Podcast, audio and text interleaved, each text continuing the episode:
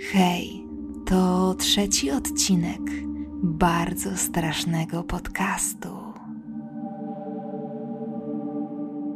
Od tygodnia tonęłam w oceanie pomysłów na kolejne słuchowisko, więc w rezultacie o zdanie zapytałam Was, moich słuchaczy.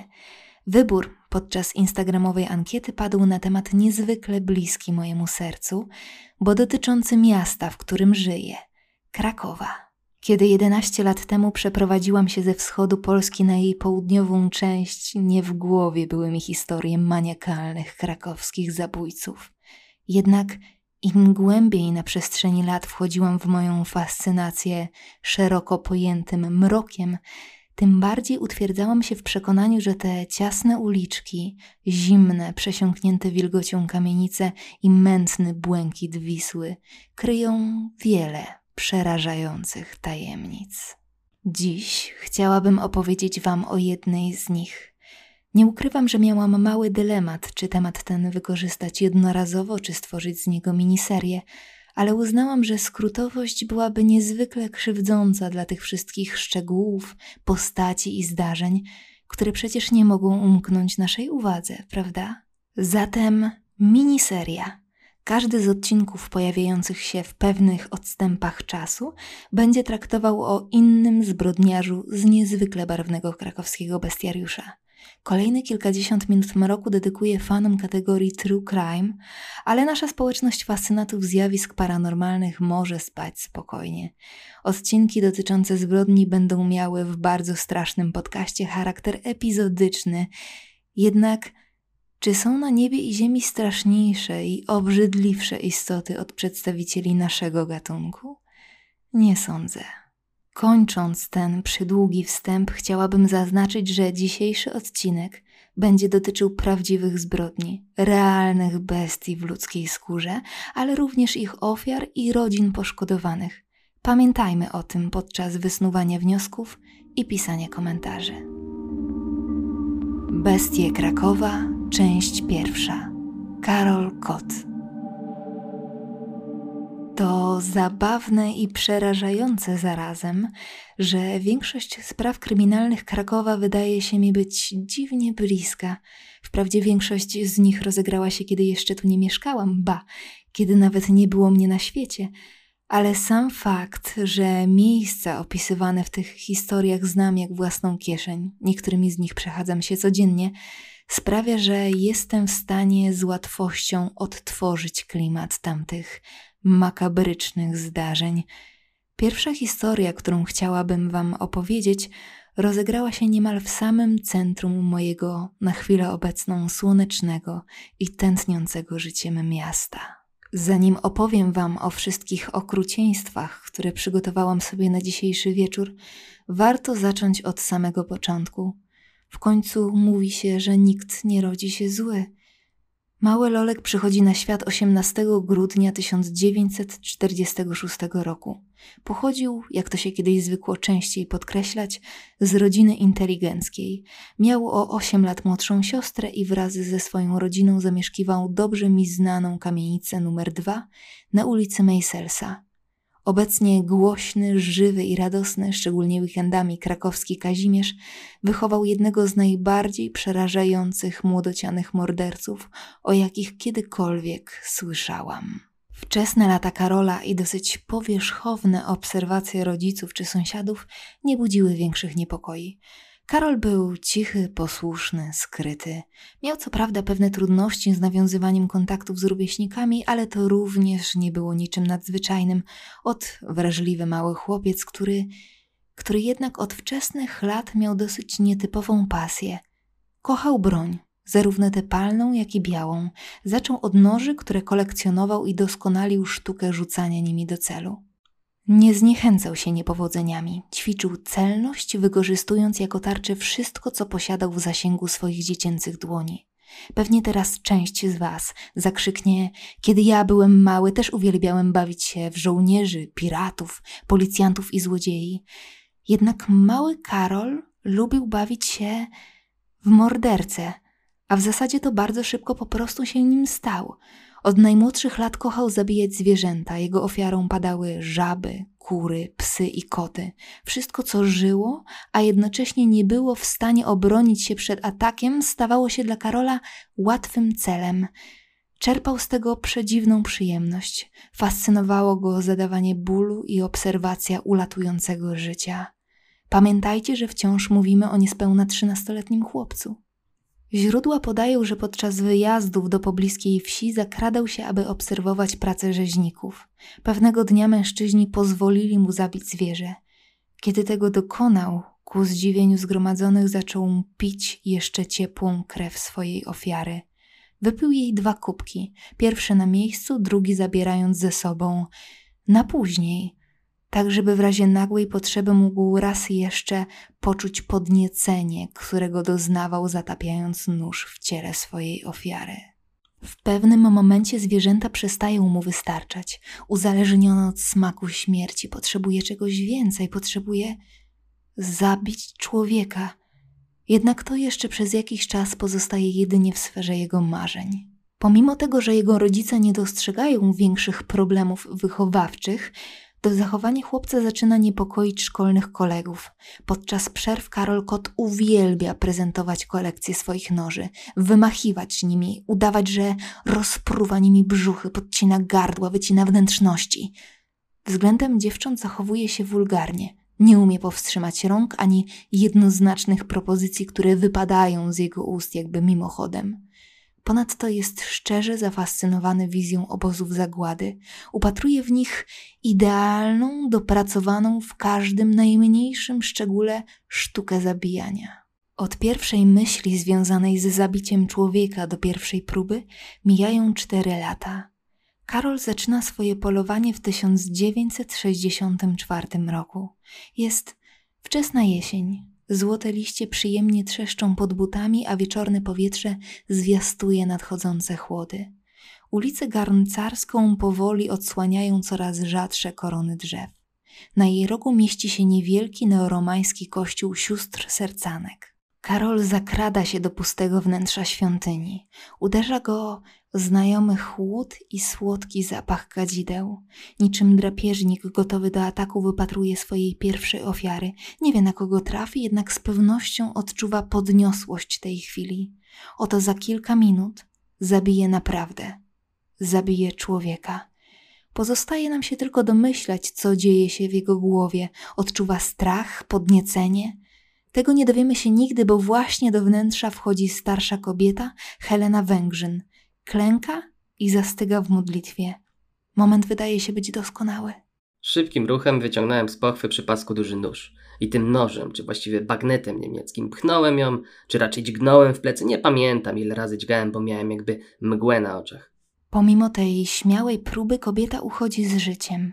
Chłopak nie zniechęca się. Możemy wręcz uznać, że czuje się ośmielony swoim dokonaniem. Nie czeka długo.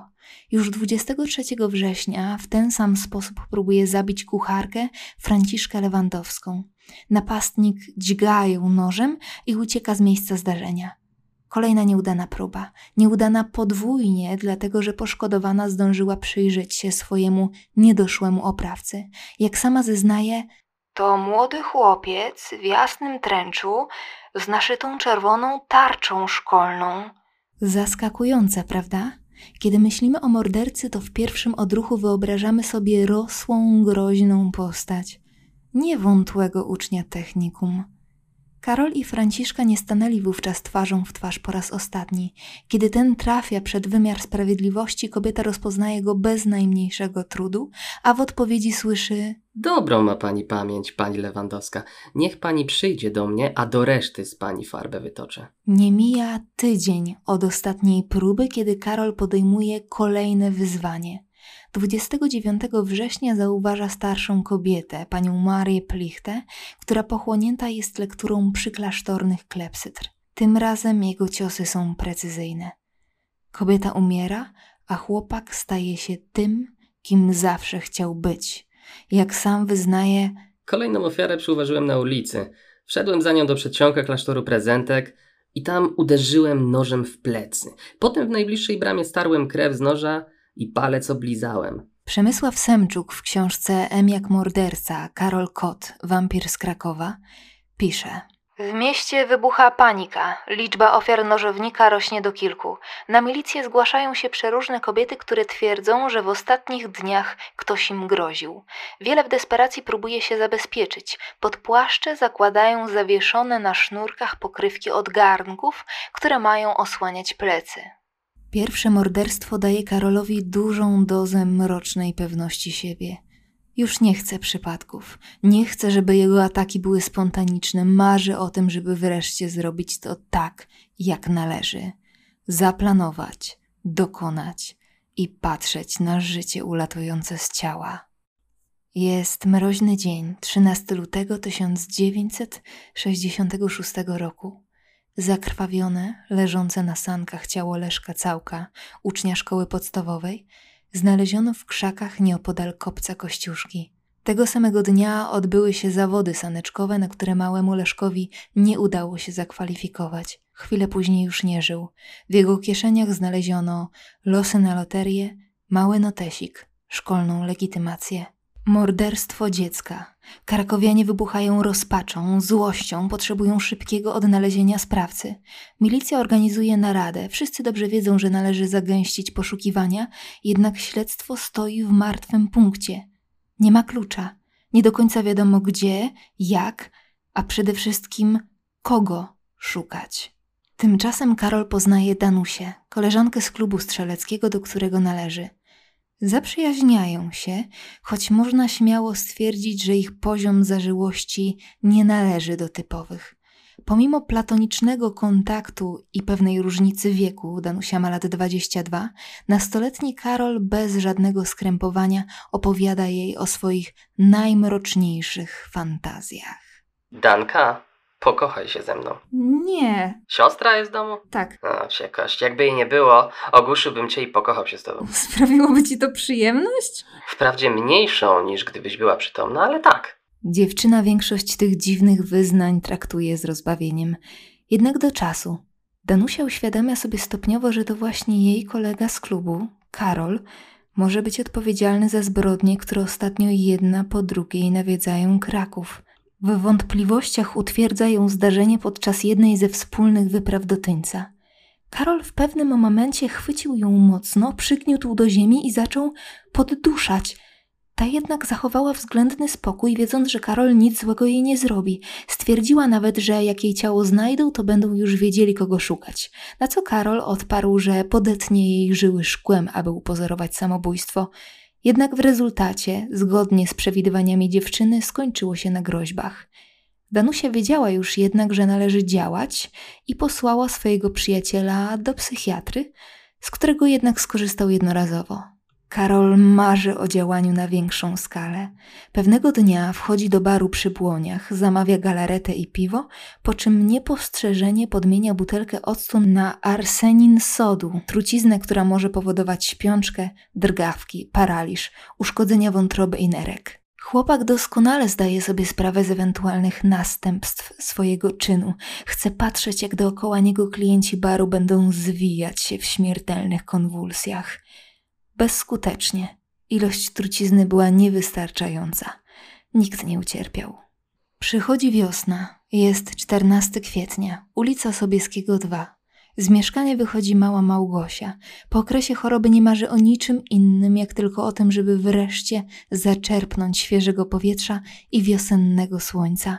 Namawia rodziców, że wyjdzie dosłownie na chwilkę do skrzynki na listy. Zobaczyłem, że z góry idzie jakaś mała dziewczynka w płaszczyku. Od razu wówczas pomyślałem sobie, że zabiję tę dziewczynkę. W tym właśnie momencie ja odwróciłem się w jej stronę. Szybko wyciągnąłem z pochwy nóż i złapałem ją ręką lewą za szyję od przodu. I zacząłem ciosem od dołu dźgać ją nożem w okolice brzucha i serca. Kilka minut później rodzice słyszą, jak Małgosia wchodzi do domu i udaje się jej tylko powiedzieć: Jakiś pan mnie pobił, po czym upada na podłogę. Rodzice dostrzegają krew. Na szczęście pomoc zostaje udzielona na czas. Dziewczynka przeżywa. Śledczy jeszcze mocniej zagęszczają poszukiwania. Kolejne osoby są przesłuchiwane, kolejni potencjalni mordercy osadzani w areszcie. Tysiące niepotwierdzonych, często zmyślonych zeznań, poszlak świadków. Bez skutku. W pewnym momencie milicjanci postanawiają wziąć pod uwagę zeznania pani Franciszki. Młody chłopak, szkolna tarcza naszyta na poły tręczu. Wizja ucznia mordercy wydaje się być kuriozalna, ale wciąż warta sprawdzenia. Milicja zaczyna przeczesywać szkoły średnie. Nagle trafiają na trop. Jeden z nauczycieli i członek sekcji strzeleckiej SKS Krakowia wspomina o niejakim Karolu Kocie i jego fascynacji nożami. Śledczy wiedzą, że muszą dokładnie przyjrzeć się tej postaci, jednak jego fizis na pierwszy rzut oka jest niezwykle mylące. Oto oczom milicjantów jawi się najzwyczajniejszy ze zwyczajnych uczniów, z lekka nieśmiały, zamknięty o twarzy i uśmiechu grzecznego chłopca. Jednak nauczyciel to nie jedyna osoba, która jest zaniepokojona zachowaniem Karola. Na milicję zgłasza się Danusia Włodarczyk, dziewczyna, przed którą jako jedyną Karol w pełni się otworzył, opowiadając o swoich przedziwnych pragnieniach. Jej próby pomocy nie dają efektów. Narastają niepokój i podejrzenia, a potem jak Karol dopuszcza się względem niej rękoczynu, dziewczyna wreszcie decyduje się opowiedzieć o wszystkim władzom. Następuje przeszukanie, w książce M jak morderca, Karol Kot, wampir z Krakowa, czytamy. Oficerowie znajdują 16 noży, nie tych używanych w kuchni. Bagnety, sztylety, myśliwski kordelas, noże rybackie, monterskie, blokadowe, a nawet jeden sprężynowiec. Część z nich jest ukryta na kuchennym kredensie. Dokładnie przeszukują pokój, w którym Karol spędza najwięcej czasu. Wśród szkolnych podręczników znajdują mały atlas anatomiczny profesora Witolda Sylwanowicza z wyraźnymi śladami przebicia nożem. Na stronie z rysunkiem układu krwionośnego zaznaczono tętnicę. Jest też kilka innych rysunków wskazujących najważniejsze organy serce, wątrobę, nerki. Większość zeszytów zdobią rysunki noży. Jeden z nich ma nawet swoją nazwę likwidator. 14 lipca 1966 roku Karol Kot trafia do aresztu. Pojawiają się kolejne zeznania osób z otoczenia chłopaka, między innymi Macieja Partyki, znajomego, który niejednokrotnie miał okazję słyszeć z ust chłopaka brutalne opisy zbrodni, których się dopuścił, lub jego przerażających fantazji. Gdy on mi to opowiadał, śmiał się lubieżnym i ponurym śmiechem, wysuwając język na brodę, otwierając usta i klepiąc się z uciechy po udach dłońmi. Śledczy przedstawiają Karolowi zarzuty i zeznania. Początkowo chłopak się opiera, twierdzi, że to wszystko ponury żart, że nie ma z tym nic wspólnego. Jest niesłusznie oskarżony o rzeczy, których nie dokonał. Jesteśmy z milicji. Obywatel jest zatrzymany. Proszę się ubrać, jedziemy do komendy. Panowie, ale o co chodzi? Wyjaśniemy na miejscu. No dobrze, ale tylko szybko wyjaśniajcie, bo złożyłem papiery do Wyższej Szkoły Oficerskiej i chcę w terminie przystąpić do egzaminów wstępnych. Jednak w momencie, kiedy zaczyna czuć ciężar dowodów, a niedoszłe ofiary rozpoznają go bez żadnego trudu, wreszcie przyznaje się do postawionych mu zarzutów, choć sformułowanie przyznaje się zdecydowanie odbiera spektakularności temu mrocznemu widowisku.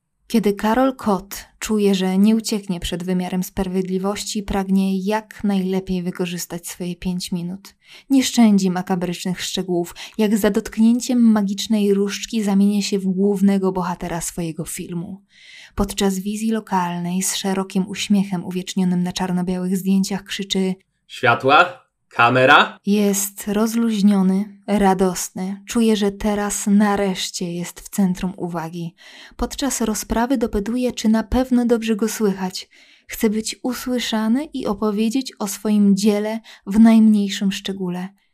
Niczego nie żałuje, nie przeprasza, a z jego twarzy nie schodzi uśmiech tak dziecięcy jak diabelski. Rodzice Karola do ostatnich chwil wierzą w niewinność swojego syna. Kiedy trafia do aresztu, otrzymuje list. Kochany Loluniu, Miej nadzieję, że sprawa Twoja zostanie wyjaśniona, bo obecnie znajdujesz się w miejscu, gdzie wszelkiego rodzaju nieprawidłowości nie będą miały miejsca. Staraj się panować nad sobą. Wiesz, że uczynimy wszystko w Twojej obronie i w obronie sprawiedliwości. Historia zna fakty jeszcze bardziej tragicznych podejrzeń czy omyłek, lecz zawsze sprawiedliwości staje się zadość. 17 marca 1968 roku Karol Kot, wampir z Krakowa, Zostaje skazany na karę śmierci przez powieszenie i bezterminową utratę honorowych praw obywatelskich. zostaje stracony zgodnie z wyrokiem 16 maja 1968 roku. Niektóre źródła podają, że winę za jego straszliwe zbrodnie ponosił rozległy guz mózgu. Jednak dla wielu badaczy ta teza jest nieprzekonująca. Z dużym prawdopodobieństwem bowiem sekcja zwłok mężczyzny nigdy nie została przeprowadzona, ponieważ pogrzeb odbył się zaledwie dwie godziny po samej egzekucji. Nie dowiemy się, jak było naprawdę. Jego historia posłużyła za inspirację do filmu Czerwony Pająk w reżyserii Marcina Koszałki, który polecam, choćby za niepowtarzalną atmosferę mrocznego, prowincjonalnego Krakowa lat 60. My tymczasem zbliżamy się do końca naszej dzisiejszej podróży. Mam nadzieję, że spędzony ze mną czas i słowa, które sączyły się z waszych głośników, pozostaną z wami na długo. Tak oto Karol Kot, były obywatel Krakowa, uczeń technikum, posiadacz niewinnego oblicza i mrocznych fantazji, otwiera naszą galerię krakowskich bestii. A ja żegnam się z wami. Karaluchy pod poduchy. share.